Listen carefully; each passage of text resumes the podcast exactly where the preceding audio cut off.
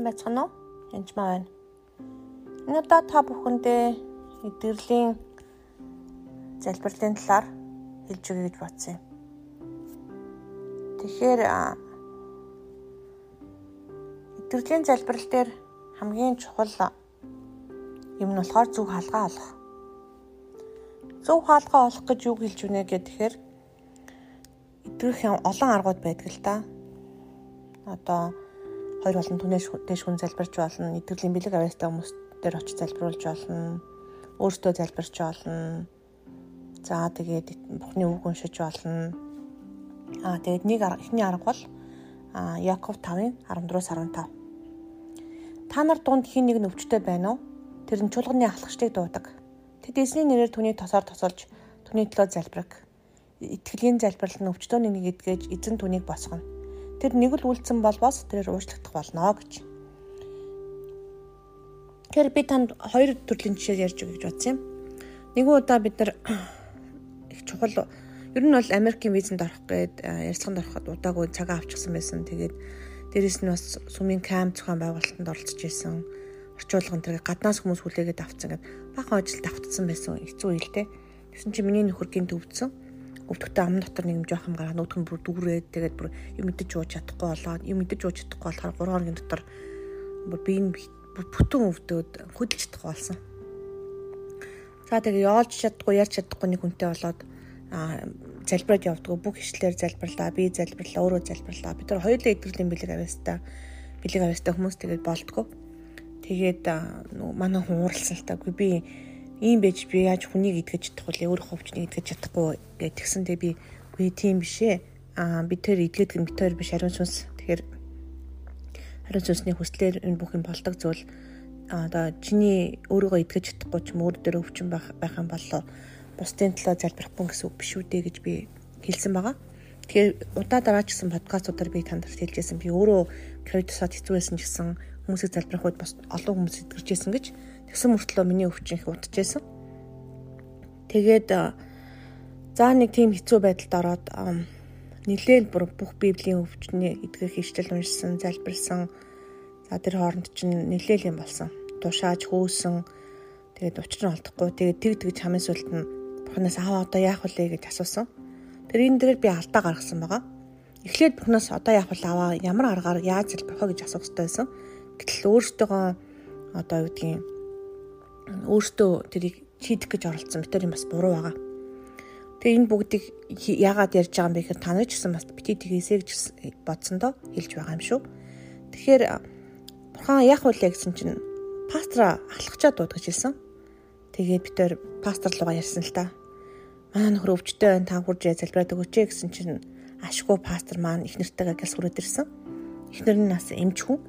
Тэгээд өө олон хоног хоол ундгүй байгаа бол би чи тусал авчвал би тусал хийгээд өгөө гэж ихнэр нас хэлсэн. Тэгээд пастор маань залбирсан байгаа. Залбираад тэгээ хоол хийж явах оронд хоолоо пастор хоол хийж баг дуусах байхад маа нөхөр идгэрч гисэн. Тэр дараа босож суугаал өндөгөд эхэлсэн. Тэгээд удахгүй 20 хоногийн дотор нь сүмийнхаа кампэйн зохион байгуулалтанд оролцсон, тэгээд гэрчлээ аваалцсан. Тэгээд бүх зүйл сайхан болсон. Тэгээд тэгэхээр яг ахлах пастор маань гар тавин залбирсан тэр үед эдгэрсэн байна. Дараа нь би та бүхэнд хэлжсэн 5 дахь өдөр ч юм уу хагас өдрийн маань хичээлд гаднаас олон хүмүүс орж ирдэг байгаа. Тэгээд идэвхтэй залбирал хийдэг. Тэгсэн чинь нэг эмэгтэй 25 дотор нэг эмэгтэй чихаагаас орж ирсэн. Тэгээд залбирх гэсэн чинь discernment gift буюу сүнс ялгах чадвар бас юу хэлдэг вэ гэхээр мэдлэгийн үг бас энэ энэ хүн яаж залбируулд идэрх вэ гэдгийг хэлдэг л дээ. Чи ингэдэг, тэгэрэ ингэрэ гэж хэлдэг яг тэр үед алхачаараа пастор пастор минь алхачаараа залбируулаараа гэж би хэлсэн байгаа. Тэгээд яг энэ Яков 5:14-15 яг таны төлөө тоос 50 залбиргаа эзний нэрээр тосоор тосолт залбираараа гэж хэлсэн. Тэгээд тэр хүн маань их дуулууртаагаар надад дууралж гомдохоос илүү шууд дуулууртаагаар очиод пастор очиод хэлээд танаад залбируулахаар итгэмж хэлсэн гэж хэлээд залбируулсан байгаа. Тэгээд харин сарын дараа үлдүүдээ орж ирсэн дахиад хичээл дээр орж ирээд би шинжилгээг өгсөн чинь хор тавд маань эдгэрсэн гэж гарсан, байхгүй гэж унш гарсан. Маш их баярлалаа. Тэгээ манай пастор маань залбирч өгсөн гэд хэлжсэн. Тэгээд ахлагчаараа бас залбиулсан гэлүүд хамт залбиулсан гэж хэлжсэн. Тэгэхээр энэ үнэхээр та нарын дунд хин нэг нь өвчтөө байна уу? Тэр нь чуулганы ахлагчдыг дуудаг гэхээр ахлагч байна уу, пастор байна уу? Яг энэ өвчний залбирлын үед адилхан туслахаатай байгаа. Та ахлагчаар дуудагдсан бол үнэхээр энэ тослогоо ажилдаг. Тэгэд эзний нэрээр түүнийг тосоор тосолж түүний төлөө залбирах гэж Гэтэ энд итгэл бол үнэхээр чухал. Итгэлийн залбирал нь өвчтөө нэгнийг итгэж эзэн түүнийг босгоно. Тэгэхээр та одоо магадгүй миний бэлэг аваас хүрэхгүй ч гэдэм үү би нэг жижигхэн хөдөөний одоо тосгоны ахлагч үү дээ энэ төр гээд зарим хүн тэгдэг. Тийм биш. Бурханаас өгөгдсөн эрх мэдэл тослогоо танд байгаа учраас таны эрх мэдлийг бурхан ашиглахыг үнэхээр хүсэж байгаа. Тэгээд тийм болохоор өөрөө ямар байх нь чухал биш харин эзний нэрээр буюу Иесусийн нэрээр залбирахуд энэ бүхэн болдог байгаа.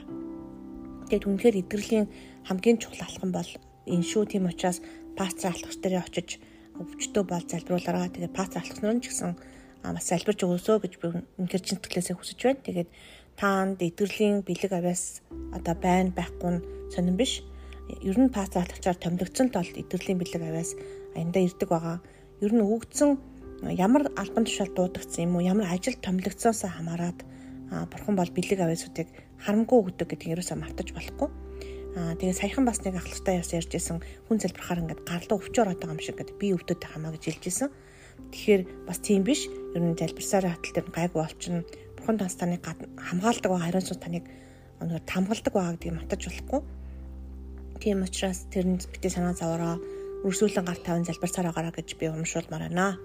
Тэгээд үнэхээр та өвчтөй бол дараачийн алтмуудыг бас та бүхэнд хэлж өгье. Дараачийн хаалгуудыг зөв хаалгатай авших явдал үнэхээр чухал шүү.